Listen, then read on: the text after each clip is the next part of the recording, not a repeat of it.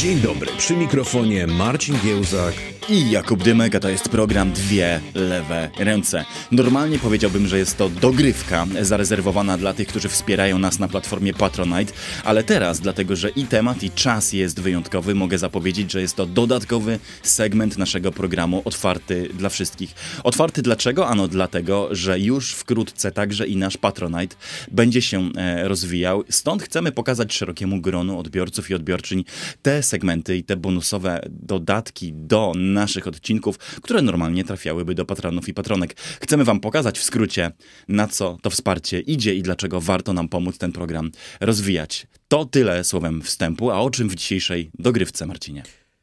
Dogrywka zawsze nawiązuje do odcinka właściwego. Jest jakąś ekstrapolacją test, które tam się pojawiły, jakimś uzupełnieniem albo polemiką, która przychodzi nam na myśl już po tym, jak skończyliśmy nagranie zasadnicze i tak będzie i tym razem. Odcinek właściwy poświęcony był starzeniu się naszych parlamentów. Mówiąc naszych, mam na myśli ogólnie e, państwa demokratyczne, chociaż szczególnie pastwiliśmy się nad Stanami Zjednoczonymi, gdzie no, jest to jeden z najstarszych mm, e, senatów, jakie kiedykolwiek Amerykanie wybrali. No i mamy szczególnie dużo przypadków, w których widać, że wybrańcy narodu są już naprawdę zmęczeni 30 albo 40-letnią służbą na odcinku spraw publicznych, a teraz zastanowimy się nad tym, czy gdybyśmy z kolei zaczęli nasze parlamenty odmładzać, gdybyśmy poszli śladem Holandii albo Norwegii, to czy te parlamenty byłyby lepsze, gorsze, czy może po prostu byłyby takie same, bo klasa polityczna to klasa polityczna.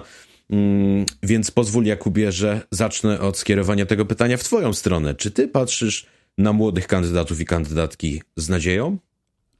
Patrzę na nich tak samo jak na kandydatów starszych. Czy to młodzi czy starzy politycy powinni odpowiadać przed swoimi wyborcami? Trzeba stawiać im równie wysoko poprzeczkę. Stąd moim zdaniem młodzi kandydaci i kandydatki na listach nie są ani lepsi, ani gorsi niż ci wywodzący się ze starszych roczników i pokoleń. Ja nie uległem takiemu zaklęciu pajdokracji, wiesz, którym nam się mami i powtarza, że y, odmłodzenie list, wprowadzenie nowych roczników, więcej debiutantów w polityce to recepta na jej zepsucie, korupcję i przegniłą atmosferę. Wydaje mi się, że tak wcale być nie musi. Bywają przecież młodzi politycy, którzy szybko, wkrótce po tym, jak dostali się do parlamentu, Sejmu, Zgromadzenia Narodowego czy Senatu, gdziekolwiek by nie byli, zmieniają się w swoje własne karykatury i równie szybko jak ci starsi podążają drogą, no właśnie, korupcji, oportunizmu czy e, lenistwa. I w Polsce zresztą nie brakuje takich e, wybrańców narodu, którzy mieli wnieść do polityki nową e, jakość, a ostatnie cztery lata w ławach sejmowych spędzili głównie siedząc na Instagramie albo Tinderze. Więc cóż, mogą być ci kandydaci i kandydatki lepsi, mogą być gorsi. Wszystko zależy od nich. Mówimy wszak o ludziach dorosłych i takich należy traktować. Nie wiem, czy się ze mną zgodzisz. Jasne, młodszych trochę od nas, albo od nas przede wszystkim, duchem i ciałem, ale jednak dorosłych ludziach, którzy, których których należy serio pytać o ich poglądy, serio egzaminować z tego, co chcą zrobić i stawiać dość e, twarde wymagania, co jak sądzę i w dzisiejszym odcinku e, zrobimy. Na pewno nie powinni mieć e, taryfy ulgowej z racji samego wieku. Wszak polityka to trudna droga i chyba wiedzą, na co się piszą. To powiedziawszy, trzeba zaznaczyć, że jednak w Polsce parlament jest jednym ze starszych w Europie. Nie najstarszym, nie najbardziej wiekowym, ale już jednym z tych, które zaliczają się do bardziej emeryckich e, zgromadzeń. Stąd warto zwrócić uwagę na tych, którzy chcą trochę go odmłodzić, przyjrzeć się ich postulatom i zapytać, czy może w tej kadencji to się w końcu uda, bo no cóż. Powiem tak, samo, samo starzenie się polityki jest procesem niejako naturalnym, ale też wcale jakoś bardzo też gorączkowo nie czekam na to, kiedy udział emerytów w polskim parlamencie będzie w Europie i na świecie najwyższy. To już samo w sobie byłoby jednak pewnym zagrożeniem. Ja mogę wziąć młodych nieco w obronę, a przynajmniej skazać na pewien potencjał, e, który w sobie mają i na to, co mogłoby potencjalnie być lepiej, gdyby było ich więcej w naszym Sejmie. Pierwsza rzecz, która przychodzi mi na myśl jest taka. Młodzi mogą zwiększyć zainteresowanie innych młodych polityką. Zarówno ze względu na to, że ich doświadczenia życiowe, ich sposób opowiadania o tym, co chcą zrobić w polityce, ich łatwość korzystania z mediów społecznościowych. Wszystko to sprawia, że mm, duża liczba, czy większa liczba osób między powiedzmy 18 a 25 rokiem życia powie sobie, że ta cała polityka to może faktycznie nie są jedynie spory wrzeszczących staruszków o coś, co się wydarzyło 30 lat temu, albo o tematy zupełnie abstrakcyjne, ale to są ludzie tacy jak ja, którzy spierają się o rzeczy, które mnie dotyczą. Kolejna sprawa z tym bezpośrednio powiązana, e, według mnie e, bliższe siłą rzeczy młodym e, politykom czy kandydatom na polityków dopiero są doświadczenia takie kształtujące obecne pokolenie najmłodszych wyborców. Mówię tu o takich rzeczach jak praca na śmieciówce, jak uczestnictwo w czarnym proteście, jak doświadczenie na własnej skórze wykluczenia komunikacyjnego albo głodu mieszkaniowego. Więc nie będą to ludzie, którym tak łatwo będzie mówić zmień pracę, weź kredyt, e, czy powtarzać oczywistości mm, z takiego, mm, z takiego balcerowiczowskiego handbooka polityki gospodarczej i społecznej, dlatego, bo ten ląd e, tli się albo tlił się u ich buta i wiedzą oni doskonale, że nie da się go zgasić e, powtarzaniem frazesów. Kolejna sprawa, według mnie, młodym łatwiej przekraczać podziały e, historyczne, środowiskowe, personalne i po prostu sumiennie pracować w parlamencie i wyciągać rękę do każdego, kiedy już tam wejdą. No bo zagadnienie tego, mm, kto siedział gdzie przy okrągłym stole, kto kogo poparł w czasie wojny na górze, e, kto odpowiadał za rozpad podpisu. Bardzo ciekawe zagadnienia, w których dobrze, żeby się spierali publicyści i historycy i wiesz, my się spieramy na ten temat bardzo często. Mm, natomiast kiedy już jesteś w Sejmie, kiedy jesteś w Senacie, kiedy jesteś, nie daj Boże, ministrem, no to już po prostu musisz podwinąć rękawy, wziąć się do roboty, dogadywać się, ubijać deale, również i z pozostałymi ludźmi, którzy tam są, a nie mówić, że albo wyście, albo żeście 30 lat temu, co wydaje się być polityką średnio starszego pokolenia, jak to mówił Jarosław Kaczyński, nieodzowne i niezbędne do życia. E, no i ostatnia rzecz. E, myślę, że młodzi będą pracować w parlamencie i głosować z myślą o przyszłości. Jest taki problem, który zresztą poruszyliśmy w odcinku zasadniczym, więc nie będę go rozwijał przesadnie, że ludzie w określonym wieku raczej już myślą o tym, żeby jeszcze pożyć um, i przeżyć, i żeby już mieć spokojną emeryturę, żeby nic e, szczególnie gwałtownego się nie wydarzyło, nie lubią zmian, e, nieufnie patrzą na reformy, no i już chcieliby to miesiąc życia przeżyć po prostu w spokoju, a jeśli ma się to odbyć kosztem kolejnych pokoleń, no to trudno. Ideał starca, który zasadza drzewo, w cieniu którego nigdy nie będzie miał okazji usiąść, pozostaje ideałem. Faktyczne zachowania ludzi są inne. Natomiast ludzie młodzi, którzy dziś mają lat dwadzieścia kilka, myślą o tym, co będzie, jak będą mieli lat czterdzieści kilka, pięćdziesiąt kilka i sześćdziesiąt kilka. To będzie wpływać na sposób, w jaki głosują. No i to, myślę, będzie lepsze dla naszego kraju niż alternatywa. Ja nie chcę być w tym odcinku wyłącznie tym, który mówi o młodszej e, generacji e, same e, przykre rzeczy, no ale skoro tak role się rozłożyły w tym segmencie, to już zostańmy, Dobry glina, zostańmy, zostańmy na chwilę w tej konwencji. Dobrze, ty mówisz, że najmłodsze pokolenie polityków może być tym, które z większą łatwością wyciągnie rękę ponad granicami politycznych barier i nie wnosi do polityki zaszłości historycznych i konfliktów sprzed, sprzed lat. To prawda?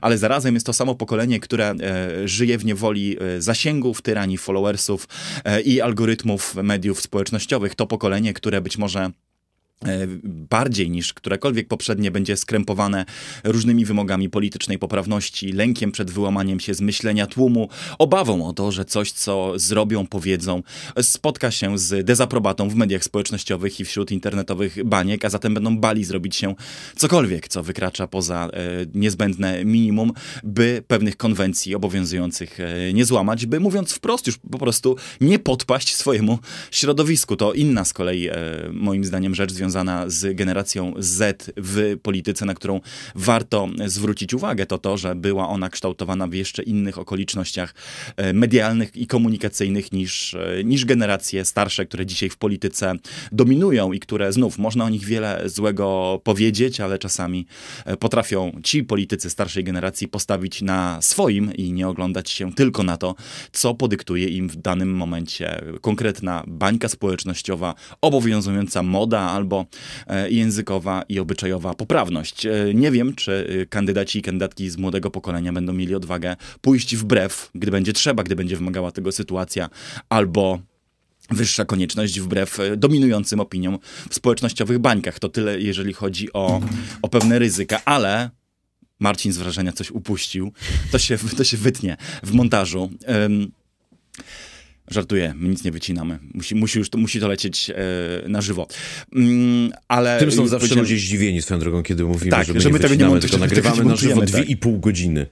E, nie, u, e, ja muszę notować to, co ty piszesz, żebym potem mógł polemizować swoimi głęboko niepoprawnymi poglądami. I dziaderskimi. E, dobrze, dobrze. E, jeżeli w tym e, odcinku ty jako mentalny 90-latek wcielisz się w obrońcę młodych, to będzie tym ciekawiej. Natomiast, żeby nie było, że mówię wyłącznie same niedobre rzeczy i występuję od razu na wstępie z pozycji zgryźliwości, to chcę to przełamać. Przygotowując się do dzisiejszego nagrania, przeczytałem sporo wywiadów, programów, postulatów, ale i wysłuchałem paru debat i w tym debaty młodych kandydatów i kandydatek na antenie Radia Tok FM prowadzonej przez Wiktorię Jędroszkowiak, która którą z tego miejsca pozdrawiam i która to e, debata bardzo pozytywnie mnie zaskoczyła. Była to pod względem e, poziomu stawianych pytań, e, wymagań wobec mm, uczestników i powagi rozmowy debata dużo lepsza niż jakakolwiek z udziałem dorosłych polityków, przepraszam, no, starszych po prostu polityków, jakiej, jaką słyszałem w tym roku i byłem bardzo zadowolony z tego, co przez te ponad 90 minut y, z, i ze strony prowadzącej, jak i kandydatów dane było mi usłyszeć. Długa, bardzo y, dociśnięta do końca rozmowa o problemach mieszkaniowych, pytania o rozwiązania dla y, problemów opieki i ochrony zdrowia psychicznego psychicznego, tematy edukacji i konkrety w sprawie e, legalizacji związków partnerskich, czy też może małżeństw i innych rozwiązań ustawowych w zakresie praw, e, no właśnie osób, które chcą e, zawrzeć związek jednopłciowy. Bardzo, bardzo wiele istotnych rzeczy tam się e, zmieściło, stąd mówię, mój cynizm nie jest e, bardzo uparty i taki bezgraniczny, da się go przełamać, jeśli usłyszę ciekawe propozycje, dobrze zadane pytania, odważne poglądy i, i, i dobre po prostu polityczne pomysły i tak w tej debacie moim zdaniem e, było. Dobrze było też, to już jeżeli rozmawiamy o młodych w polityce, dobrze było też na debacie na konferencji stan młodych, gdzie przepytywani byli e, politycy, także, ale nie tylko, o kwestie istotne z punktu widzenia najmłodszej generacji, o kryzys klimatyczny, o budownictwo e, mieszkaniowe, o rozwój gospodarczy Polski i tam też e, poziom tej debaty był dość wysoki. Stąd, kiedy mówiłem na początku naszej dzisiejszej rozmowy, że chciałbym stawiać młodym kandydatom wymagania równie duże, jak tym, którzy są w polityce od lat, to nie znaczy, że wymagania niemożliwe do spełnienia. Wręcz przeciwnie, myślę, że jak ktoś wie, po co do polityki idzie, to wiek zupełnie nie jest przeszkodą i tak było w tych rozmowach, o których tu wspominam i tak jest pewnie, kwest- tak jest pewnie także w przypadku kandydatów i kandydatek, o których jeszcze kilka słów dzisiaj powiemy. No, skoro wymieniamy się już rolami i teraz ty zaczynasz mówić o młodych kandydatach dobre rzeczy, no to jakem solidarysta, to teraz ja wezmę na siebie odium powiedzenia czegoś gorszego. Widzę jeden problem, mm, który moim zdaniem odtwarza się i każdy, kto zna młodzieżówki i każdy, kto zna młodych polityków, pewnie tego sam doświadczył, jak to mówią w wojsku z własnej autopsji. Mianowicie e, ludzie bardziej doświadczeni życiowo, mm, politycy, którzy przychodzą do polityki z kąć, mieli jakiegoś rodzaju e, sukces zawodowy po drodze, albo akademicki, albo dowolny inny, e, są właśnie ludźmi, którzy skądś się wzięli i dokądś mają wrócić. Oni mogą po prostu odejść z polityki i być dalej prawnikami, lekarzami, wykładowcami akademickimi, przedsiębiorcami, związkowcami, etc., etc. Ludzie, którzy od samego początku swojego dorosłego życia związali się z polityką i politykami i którzy zdobywali swoje pierwsze polityczne szlify nosząc za kimś teczkę, to często są ludzie, którzy no, wzięli się w tym rozumieniu znikąd i, do, i nie mają dokąd wracać. Są absolutnie zależni od matki partii i od, e, i od e, jej ojców założycieli. W związku z powyższym um, nie mają tej możliwości powiedzenia, to ja się w takim razie nie zgadzam, to ja odchodzę, to ja zagłosuję inaczej, no bo nie mają tego życiowego komfortu, który pozwala im na bunt. E, no i tak jak e, przedsiębiorcy lubią mówić, jeśli nie możesz kogoś zwolnić, to nie możesz e, go kontrolować. No tak jak tak i ja tutaj powiem, jeśli nie możesz odejść z polityki, no to w jakiejś mierze dużo łatwiej jest cię kontrolować. Natomiast dorzuciłbym na to drugą rzecz. To znaczy, mm, ludzie mogliby nas zapytać, no dobrze, ale może wy prowadzicie rozmowę zupełnie obok życia. E, to znaczy, w prawdziwym życiu jest tak, że ludzie po prostu nie chcą głosować e, na młodych ludzi. Możecie, możecie narzekać na to, że parlamenty się starzeją, że polski parlament nie jest tak młody, jakbyście chcieli, no ale przecież to wyborcy decydują. Czyżby? Weźmy pod uwagę kilka kryteriów, które, że tak powiem, strukturalnie utrudniają młodym kandydatom wejście do, do Sejmu. E, o Senacie nawet e, nie wspominam, no bo w Senacie mamy po prostu kryterium wiekowe, mamy cenzus wiekowy, e, który osobom młodszym niż 30 lat na to nie pozwala. Ale po pierwsze, młodzi zwyczajowo dostają gorsze miejsca, mniej biorące miejsca na listach, no bo są mniej rozpoznawalni, są mniej bezpiecznymi kandydatami, a to a to musi nas uwrażliwiać na to, że owszem, jest elektorat, no ale przed elektoratem jest selektorat, czyli ci, którzy decydują, kto w ogóle wejdzie na listy i czy będzie miał biorące miejsce. Druga sprawa, żelazne prawo oligarchii. E, ludzie, którzy rządzą partiami politycznymi, ludzie, którzy trzymają e, na nich e, ręce, no to są ci, którzy już są w Sejmie, to są ci, którzy już mieli czas wyrobić sobie pozycję, no i oni nie są zainteresowani tym, żeby teraz przychodzili młodzi, pozbawiali ich miejsc i ich wygryzali. No i wreszcie uważam, że nie jest sprzyjającym dla młodych komentariat. Ponieważ ci najbardziej wpływowi dziennikarze fundamentalnie rekrutują się z osób w średnim wieku, które bardzo lubią używać słowa, znasz na przykład taką zbitkę młoda lewica, to zawsze miało służyć do deprecjonowania i do udowadniania, że to są dzieciaki, oni nie wiedzą, oni nie rozumieją. E, dla uczciwości tak samo się mm, próbuje zbywać postulaty i program Konfederacji, twierdząc, że e, no, jeszcze nie dorośli, jeszcze nie popracowali, jeszcze nie mają tych doświadczeń życiowych, które uprawniałyby ich w ogóle do zabierania głosu na tematy dla wspólnoty politycznej najważniejsze. I ten często drwiący, często nieprzychylny stosunek e, komentariatu staje się później czymś, co, co wdrukowuje się również w myśli wyborców, kiedy ci mają zaznaczyć kandydata na liście. Mogę się wbić z jedną uwagą na temat postaw dziennikarzy i publicystów wobec polityków i polityczek najmłodszego pokolenia, bo ja widzę w Polsce dwie takie postawy. Jedna jest e, oparta na fundamentalnej pokoleniowej niechęci. Trochę rozmawialiśmy o tym w kontekście konfliktu e, pokoleń 50 plus versus milenialsi i młodsi w Polsce. To jest taka niechęć, która wynika po prostu z osadzenia się i lęku, że przyjdą właśnie jacyś młodzi, lewicowi, radykalni, tam dużo tych słów też takich zawsze jest naładowanych emocjonalnie i podlanych historyczną przesadą, wiesz, młodzi komuniści, maoiści, zandbergiści, to zawsze są tak formułowane obawy. Hunwejbini bardzo tak. często. E, tak.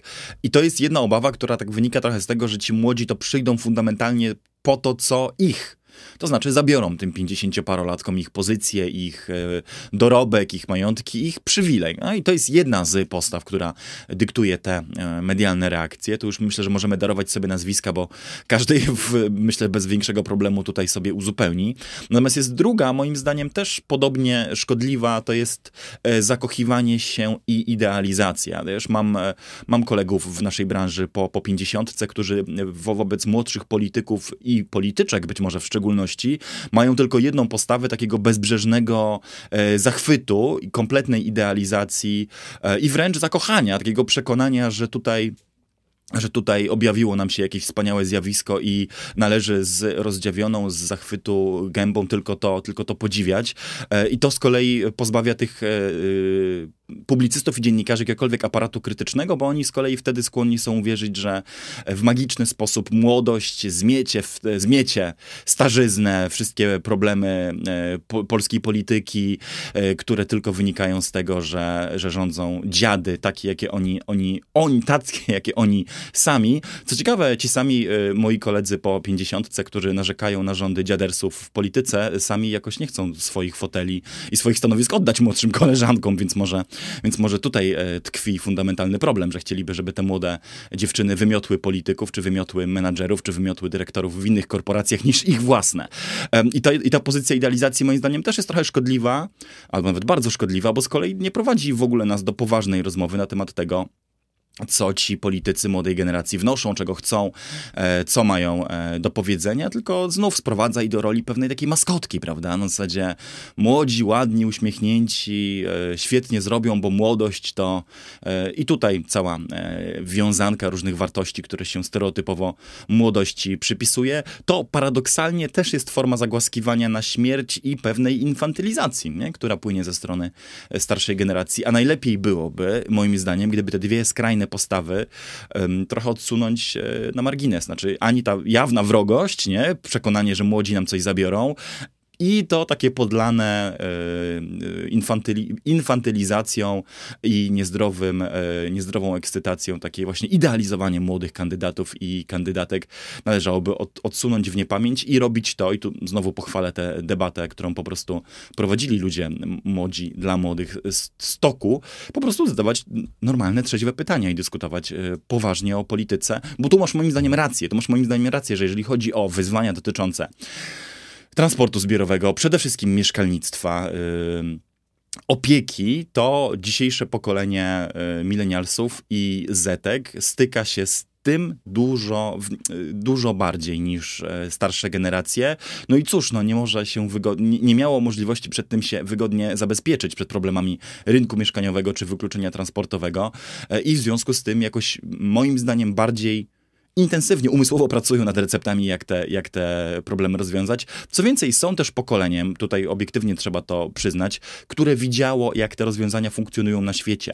Nie mają tak zmitologizowanego, zmitologizowanego obrazu y, Zachodu i zmitologizowanego obrazu innych państw, jak to starsze pokolenie.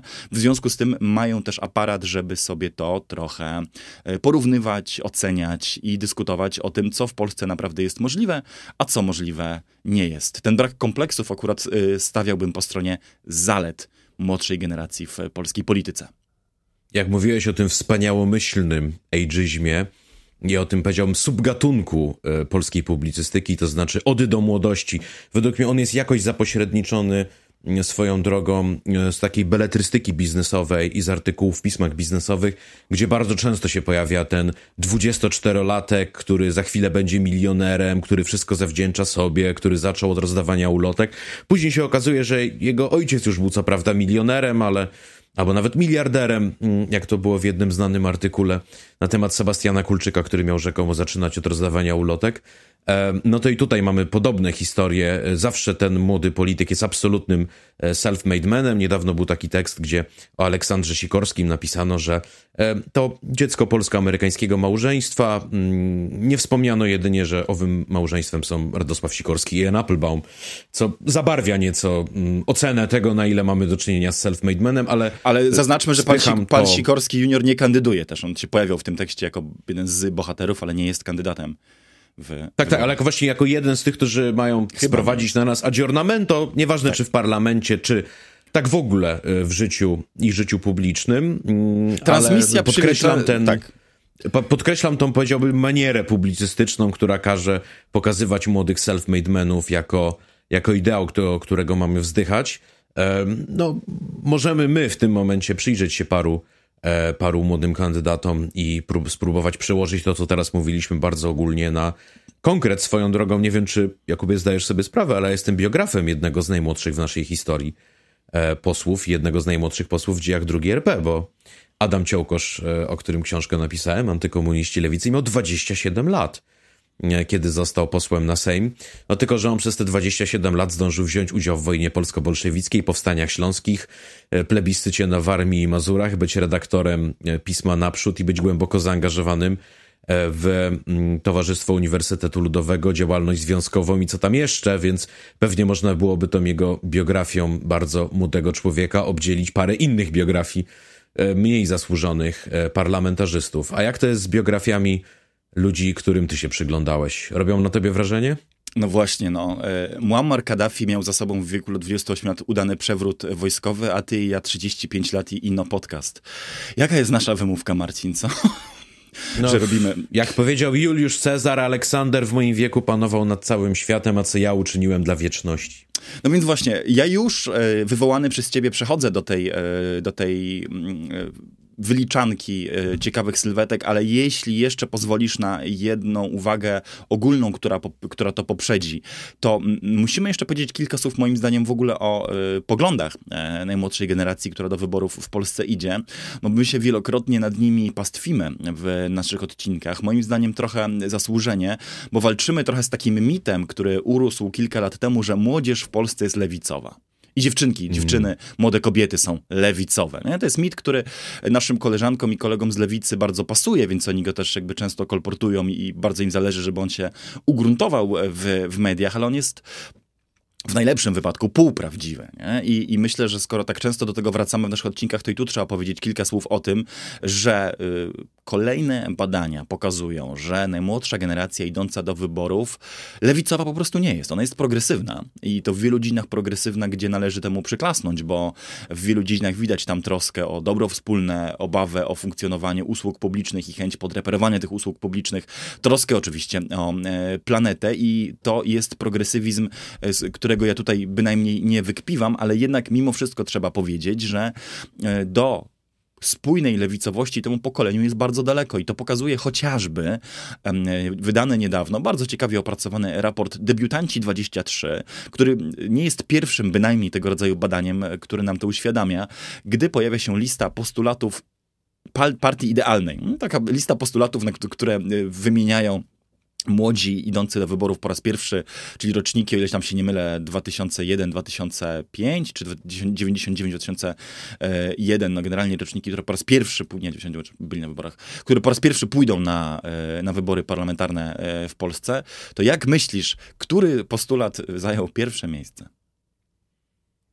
Proste i niskie podatki? Dokładnie. Obniżka podatków jest najpopularniejszym, najszerzej e, popieranym e, postulatem e, ze wszystkich. Na drugim miejscu jest poprawa jakości i dostępu do ochrony zdrowia psychicznego. Na trzecim chyba czysty i dostępny transport, co dobrze trochę pokazuje tą w ogóle zawartą w myśleniu tej generacji, jeżeli można taką szeroką kategorią generacja w ogóle się posługiwać, sprzeczność. Tak? Znaczy Państwo ma nas zostawić w spokoju, ale jednocześnie zapewniać nam wysoki standard usług e, we wszystkich dziedzinach i dostępność e, transportu, e, ochrony zdrowia, szkolnictwa i, i bezpieczeństwa I państwo ma być odcięte życia. od pieniędzy, a jednocześnie ma wydawać więcej pieniędzy na tak. usługi publiczne. Tak, i tę sprzeczność widać, widać w, w wielu dziedzinach i to jakby też trochę pokazuje, że tutaj do takiej spójnej lewicowości jest daleko. Bardzo wysoko również w kolejnych badaniach jako fundamentalną wartość obok miłości i rodziny w niektórych jest na drugim miejscu, ale generalnie w, w, innych w pierwszej tam piątce, ale jest generalnie też wolność gospodarcza i światopoglądowa jako najwyższa e, wartość. Co ciekawe jeszcze, tu z kolei podeprę się badaniami Fundacji Konrada Adenauera, też dość świeżymi, które potwierdzają pewną intuicję, o której my mówimy tutaj to w naszych programach wielokrotnie. Tak naprawdę postawy młodych sympatyków i sympatyczek e, lewicy i konfederacji w wielu dziedzinach nie są od siebie tak odległe. Jeśli spojrzysz na stosunek do przerywania ciąży, podatków, świeckości państwa, to nie wiedząc, e, kto, który słupek e, poparcia odpowiada któremu ugrupowaniu, mógłbyś się pomylić, bo wskaźniki w tych konkretnych pytaniach są dla lewicy i konfederacji zaskakująco zbieżne. No, na przykład połowa wyborców, czy ponad połowa wyborców, sympatyków konfederacji uważa, że należy zliberalizować w Polsce prawo aborcyjne i rozdzielić państwo od kościoła. No, i, I te wskazania są bardzo podobne w przypadku obydwu tych, tych ugrupowań. E, no i wreszcie widzimy to po tym, że generalnie, e, gdy trzeba gdzieś tak na takiej osi poglądów na, na państwo i gospodarkę się e, umiejscowić, to młodzi odpowiadają raczej, że że no są trochę dalej od tej ingerencji państwa w gospodarkę, a nawet większość sympatyków lewicy stwierdza, że walczyć z inflacją należy poprzez ograniczanie świadczeń społecznych. To wszystko pokazuje nam y, ciekawą, moim zdaniem, tendencję. Tu ci oddam głos i potem przejdziemy do y, sylwetek. To w ogóle nam wszystko pokazuje trochę ciekawą tendencję, że o ile sami młodzi, tak bardzo lewicowi, jak chcieliby to komentatorzy i media nie są, to chyba kandydaci, którzy będą reprezentować najmłodszą generację w Sejmie, o ile się dostaną, mają dużo bardziej e, spójne, przemyślane i propaństwowe poglądy niż generacja, którą przy, przyjdzie im, e, o której głosy zawalczą i której, której chcą być emanacją w e, polskiej polityce, bo ci e, kandydaci i kandydatki, przynajmniej o których dzisiaj wspomnimy choć słowem, no cóż, wykazują się, jak sądzę, pewną większą spójnością w swoim myśleniu o, o państwie, niż e, wskazywałyby to te generacyjne badania, które mówią, no właśnie raz, że chcielibyśmy e, państwa obecnego w naszym życiu, jeśli chodzi o zapewnienie wielu rzeczy, ale zarazem bardzo nieobecnego, jeśli chodzi o pobieranie od nas podatków czy e, regulacje, które dyktują, jak należy żyć. Ja pocieszę się tym, że jest e, bardzo starą prawidłowością w polskiej polityce, że lewica jest u nas zawsze przeszacowana powyżej poziomu i ma wpływy powyżej poziomu swojego realnego społecznego poparcia. To było prawdą w drugiej RP, gdzie wzięła sobie sama władzę w roku 1918 i narzuciła bardzo konserwatywnemu społeczeństwu cały szereg niezwykle progresywnych rozstrzygnięć, jeżeli chodziło o prawa kobiet, jeżeli chodziło o prawa pracownicze, czy jeżeli chodziło o mm, kwestie światopoglądowe. E, analogicznie w III Rzeczpospolitej drogą szeregu zbiegów okoliczności lewica miała niezwykle istotny głos, kiedy uchwalono konstytucję. I myślę tu szczególnie o małej, a jednak stanowiącej języczek uwagi Unii Pracy. I to, że my mamy pogwarantowane te wszystkie mm, dostępy do służby zdrowia, do edukacji i tak dalej na poziomie ustawy zasadniczej, to, że tam mamy rozdział kościoła od państwa, mm, to, że tam mamy te hiperkompromisowe sformułowania w rodzaju, e, w rodzaju e, uniknięcia formuły w imię Boga w Trójcy Jedynego, tylko e, wymienia się zarówno wierzących, jak i niewierzących, etc., no to znowu była kwestia nie realnego poparcia społecznego, tylko to była kwestia chwilowego układu politycznego, który dał lewicy większe wpływy, aniżeli ona powinna mieć. No i to, o czym teraz mówisz, jest jakby aktem trzecim tego samego przedstawienia. To znaczy, jak patrzysz na mm, młody elektorat, w tym elektorat e, lewicy, to są w gruncie rzeczy liberalny. Liberalny światopoglądowo, liberalny gospodarczo, mm, ale dostaje on kandydatów, którzy niejako na własną rękę, na boku em, tworzą cały szereg e, postulatów, które już są e, socjalne, i którzy będą je zapewne przegłosowywać, jeżeli wejdą do Sejmu w kolejnej kadencji, niejako wbrew E, własnemu elektoratowi. Zresztą w badaniach opinii publicznej bardzo często przewija się ten wątek, kiedy pyta się mm, młodego właśnie wyborcę, no ale jak to jest, że popierasz lewicę, kiedy w ich programie na przykład jest, że, że państwo ma stworzyć Ministerstwo Mieszkalnictwa i brać aktywny udział w budowie mieszkań, czemu się sprzeciwiasz? Chcą podnieść podatki najbogatszym, e, czemu się sprzeciwiasz? To wtedy ci ludzie mówią, ja popieram ich pomimo że mają to w programie i analogicznie z Konfederacją. No przecież popierasz liberalizację aborcji, przecież popierasz mm, dużo bardziej permisywistyczne podejście mm, do spraw obyczajowych, na przykład legalizację miękkich narkotyków. Można wymienić cały szereg rzeczy. Mówią, tak, tak, ale ja popieram Konfederację pomimo tych rzeczy. No a najbardziej dramatyczna odpowiedź to ja nigdy nie słyszałem, nie słyszałam żeby oni taki pogląd głosili, kiedy no, wystarczy wpisać nazwisko dowolnego polityka lewicy bądź konfederacji, żeby ustalić, że taki pogląd głoszą, um, który się młodym wyborcom nie podoba niemal za każdym razem, kiedy występują publicznie w mediach. E, to prawda, wyborcy, sympatycy, sympatyczki Konfederacji są dużo, dużo bardziej e, liberalni niż ich e, ulubieni politycy, co skądinąd powinno wszystkim dać trochę e, do myślenia.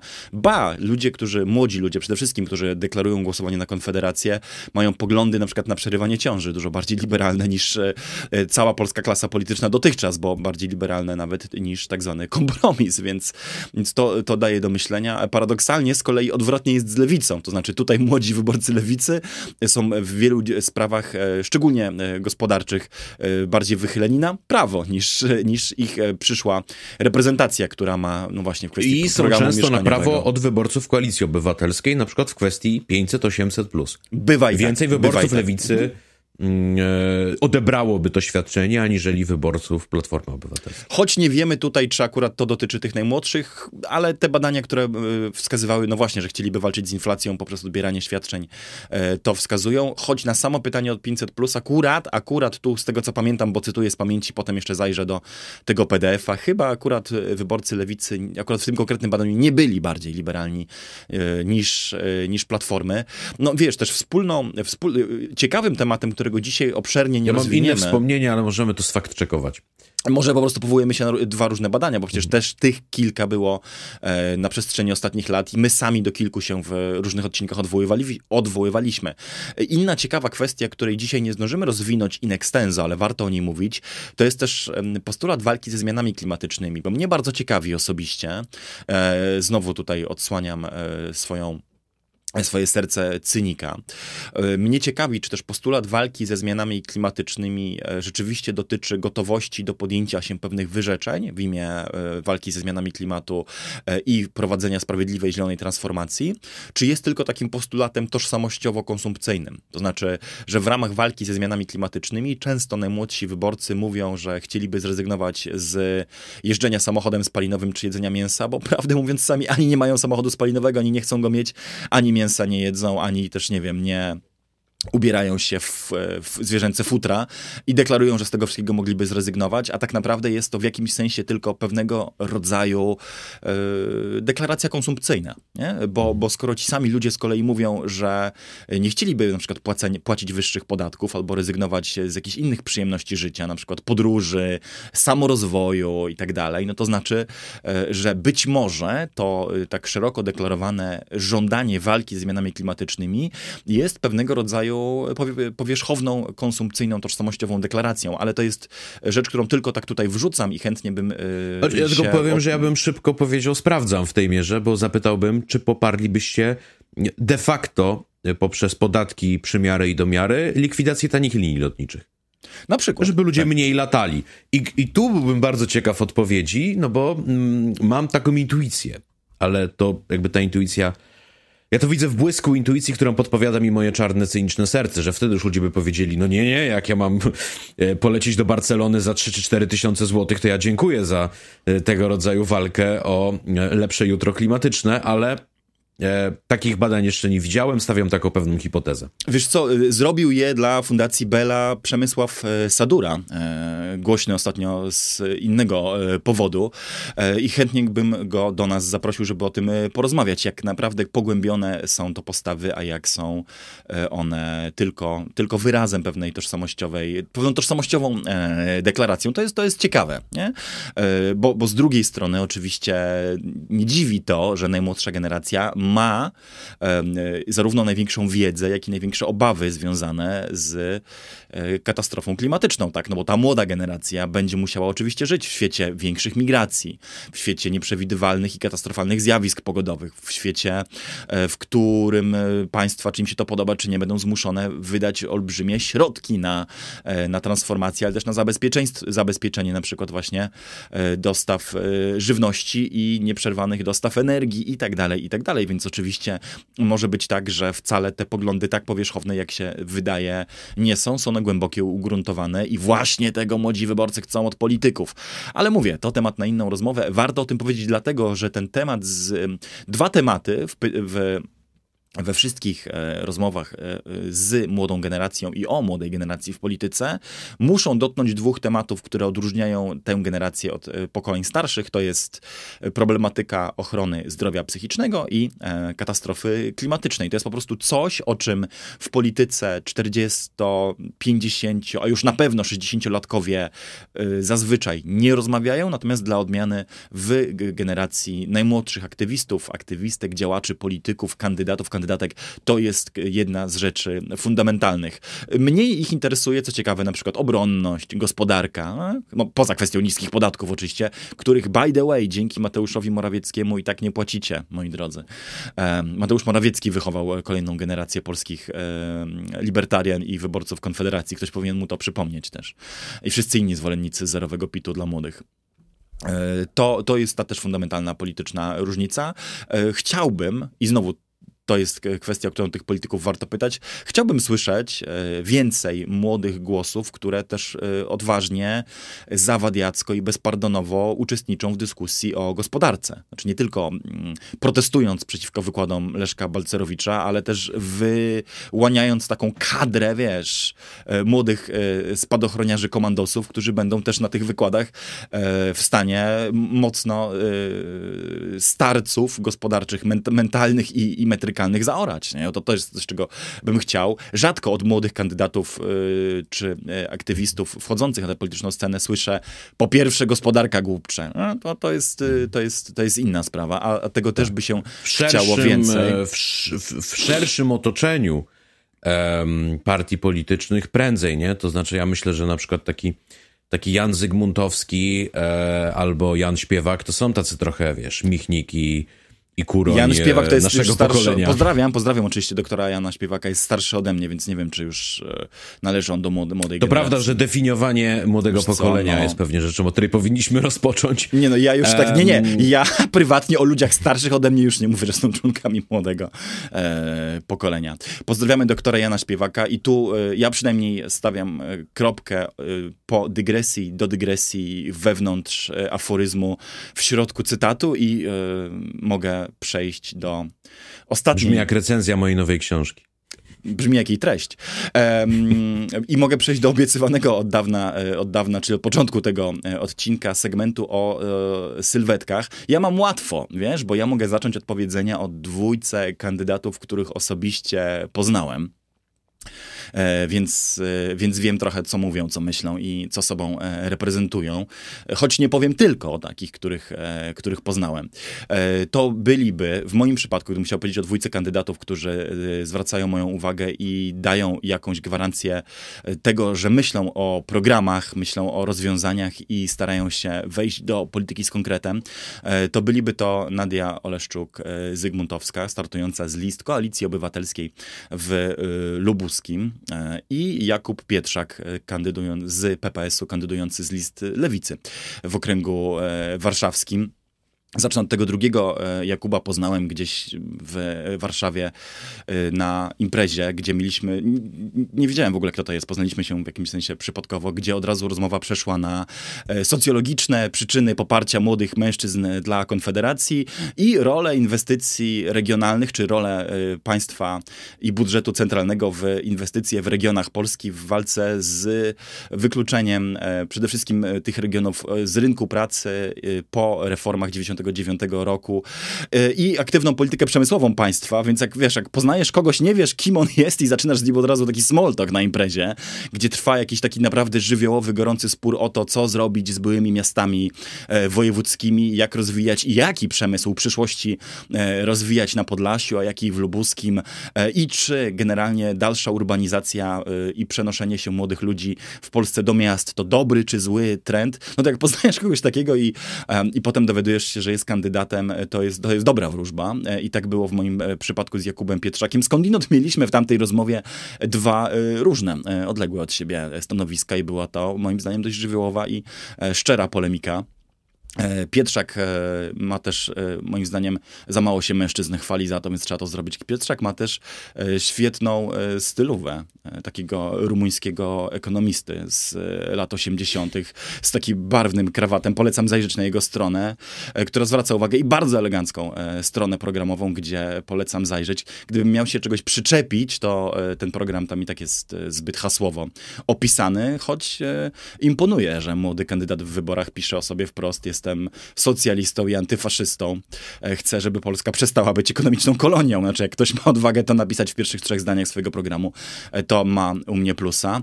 E, druga z tych osób, które no, mam przyjemność osobiście znać, więc mogę jakoś powiedzieć uczciwie, że wiem, że ma ciekawy program, to jest Nadia Oleszczuk-Zygmuntowska, która ma o tyle trudniejsze zadanie, że kandyduje daleko od dużego ośrodka, kandyduje ze swoich rodzinnych e, stron, ale zarazem e, prezentuje program, który jest dostosowany i który odpowiada na realne wyzwania e, właśnie polskiej prowincji. Używam tego słowa oczywiście w sensie opisowym, a nie, a nie ocennym, bo tam się pojawiają medobusy, tak? czyli dostarczenie usług zdrowotnych do, do miejsc, które są po prostu ich pozbawione we współpracy z samorządami. Tam się pojawiają punkty technologiczne w lokalnych lokalnych bibliotekach. No, czyli ktoś w ogóle ceni biblioteki i chce je wspierać i rozumie ich e, społeczną i kulturotwórczą rolę, to też ma u mnie e, wielkiego plusa. E, tam się pojawia temat regulacji rynku najmu mieszkań, który nie jest wcale ważny tylko w dużych miastach, ale także i poza wielkimi ośrodkami. I mam przekonanie, że Nadia zarówno jako działaczka i związkowa i spółdzielcza, e, która trochę, tej, trochę tych polskich mniejszych miast e, w życiu zwiedziła, nie tylko w sensie turystycznym, ale także realizując projekty, w wielu z nich też trochę wie, o czym mówi. I nie wiem, czy dasz mi czas na trzecią osobę? Czy, czy chcesz teraz... Trzecia osoba, żeby nie było, że polecam, czy opowiadam tylko o programach ludzi, których e, znam e, i że jestem aż tak tendencyjnym komentatorem, to powiem o osobie, która zrobiła na mnie bardzo dobre wrażenie w debacie E, e, której osobiście nie znam, chyba mam nadzieję, jeżeli znam, a teraz przepraszam, ale był to Kacper Krakowiak, e, przewodniczący Federacji Młodych Socjaldemokratów, który w, w wspomnianej przeze mnie już debacie na antenie TOK FM-u ze wszystkich obecnych tam głosów przedstawił najbardziej konkretny, oparty na rozwiązaniach, ustawach, rozumieniu polskiego prawa i polskich uwarunkowań e, program mieszkaniowy. I kiedy zaczął opowiadać o tym, co można zrobić, czego nie można zrobić, jakie środki należy uruchomić, e, dlaczego Konfederacja się myli, jak działa polski program, e, jak działa polski rynek mieszkaniowy i co tu jest niezbędne, to imponował konkretem i to jest jakby w porządku, bo często jest tak, że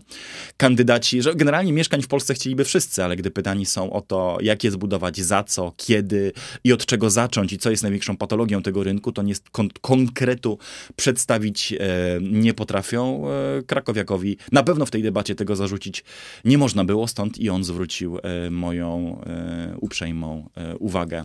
Nie wiem tylko, czy nie jest wobec tego moja sekcja tutaj przechylona bardzo w stronę e, Warszawy i centrum, więc stąd mam nadzieję, że trochę mi jeszcze pomożesz i wzbogacisz, czy spluralizujesz tę wyliczankę kandydatów, o kogoś, kto kandyduje spoza Warszawy.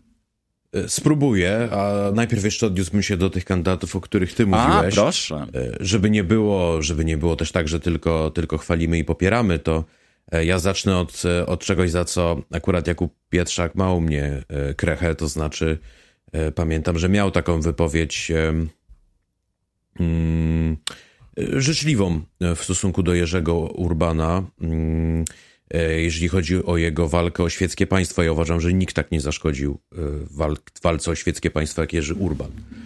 E, kompromitował ją z roku na rok, z dekady na dekadę i był skarbem w rękach prawicy i kościoła, która zawsze mogła mówić, że każdy, kto jest zwolennikiem kultury świeckiej, jest jak Jerzy Urban. No a jeżeli chodzi o słuszność walki, no to słuszną walkę to prowadził Grzegorz Przemek, zamordowany przez komunistycznych siepaczy, a nie człowiek, który pisał później poszkwile na jego temat.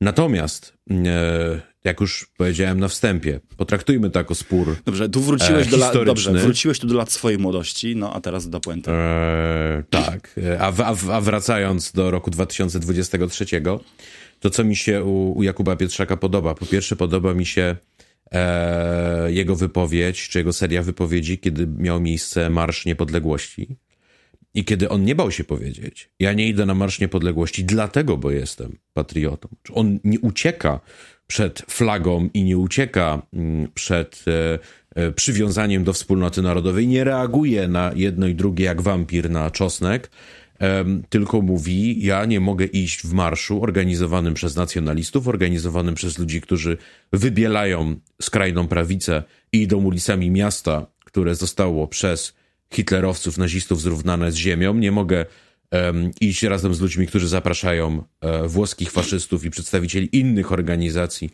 um, które wywodzą się ze środowisk i partii, które były wrogami um, Polski i Polaków i są, że tak powiem, niezrekonstruowane w tej mierze.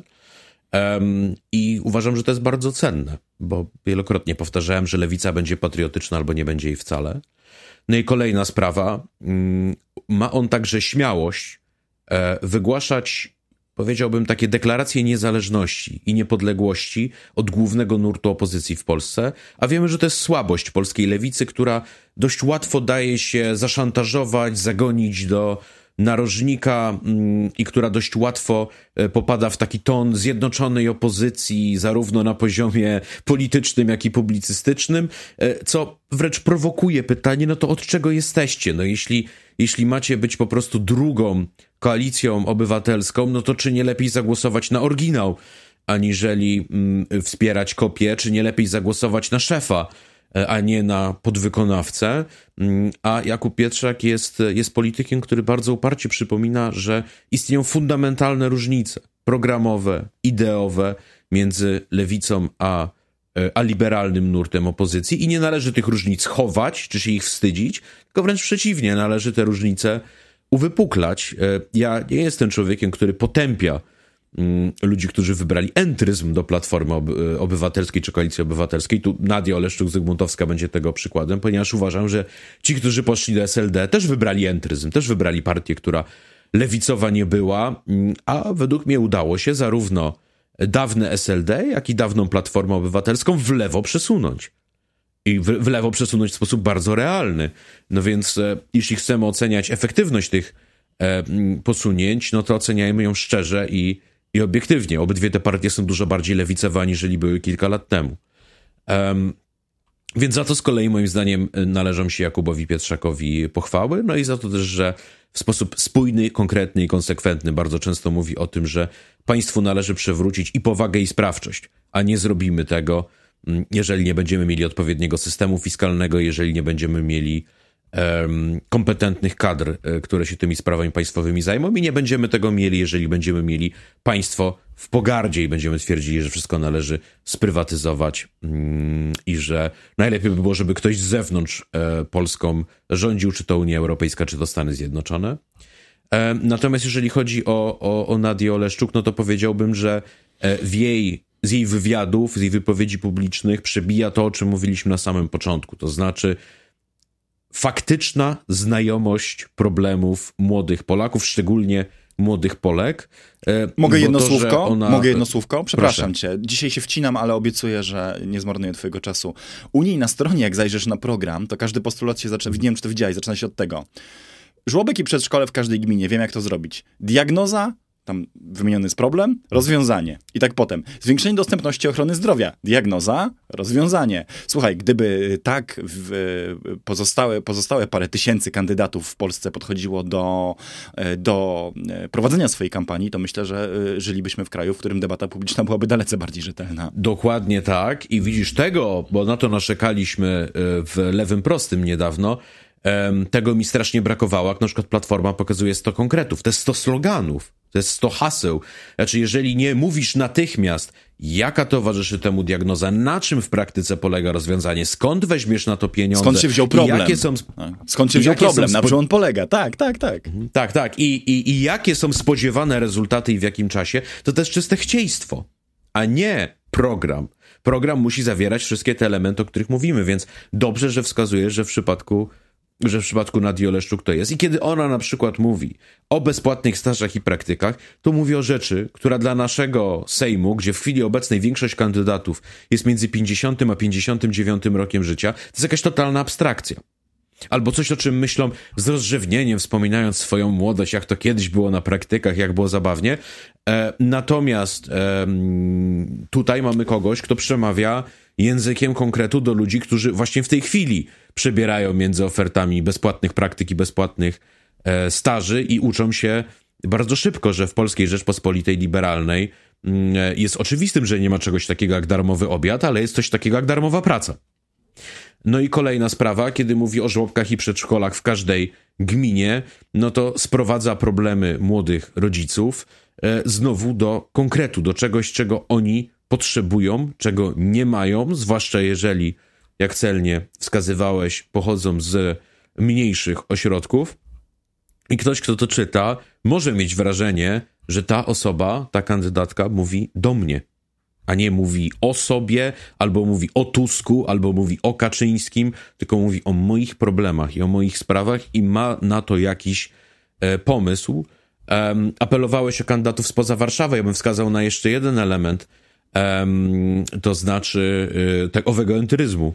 E, no mamy chociażby w okręgu kalisko-leszczyńskim e, Jakuba Szczygła, jest to, jest to osoba, która kandyduje z list Koalicji Obywatelskiej i która niedawno mówiła bardzo dużo na temat wykluczenia komunikacyjnego i będę to powtarzał jak refren. Nie mówiła o tym dlatego, że przeczytał o tym w książce, mm, zna znakomite opracowania think tanków, tylko dlatego, że sam jest osobą, która pochodzi z mniejszego ośrodka, która doświadczyła na własnej skórze wykluczenia komunikacyjnego, stąd nie chce, żeby doświadczali go inni i chce doprowadzić tutaj do realnej zmiany.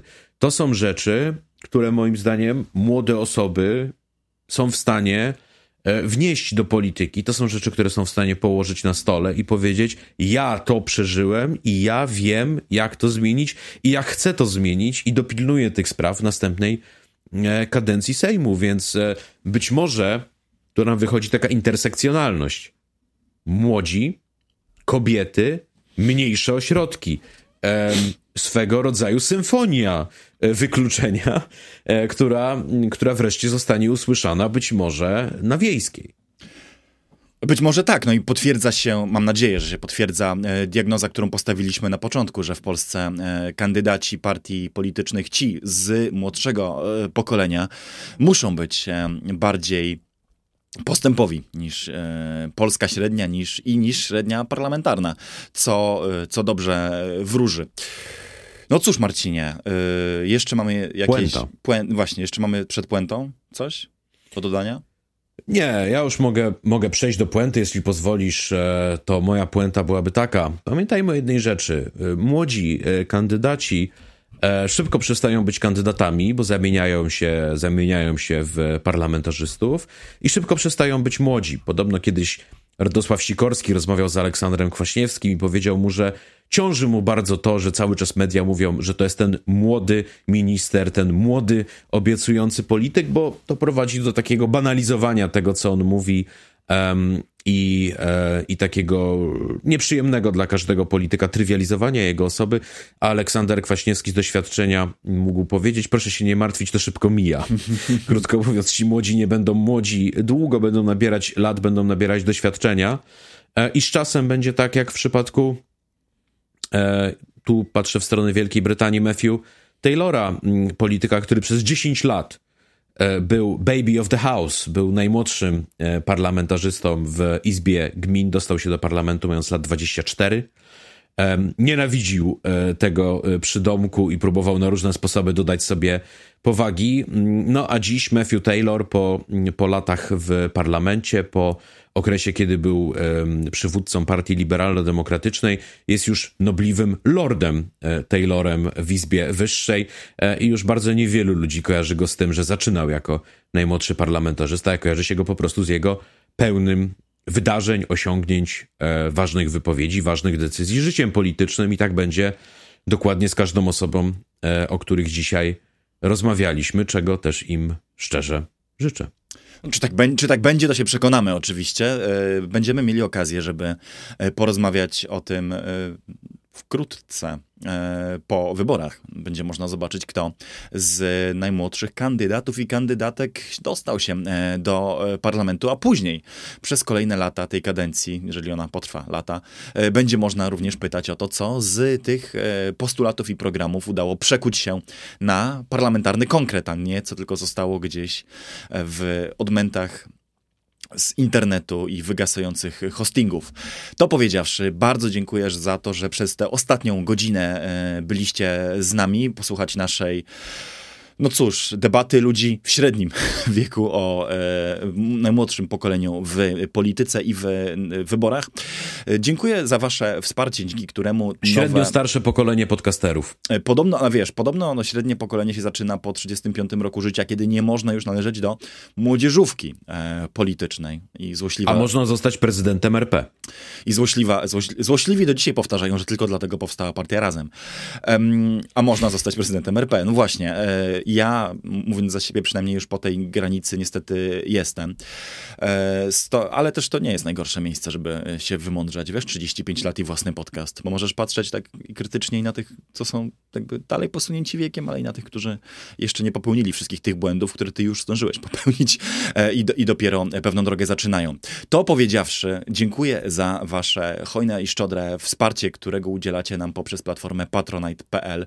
Na patronite.pl ukośnik DLR możecie wybrać jeden z progów wsparcia i pomoże pomóc nam tworzyć więcej takich materiałów, rozwijać te formaty, które już istnieją i wprowadzać nowe. Już, jak sądzę, na dniach zobaczycie naszego Patronite'a 2.0.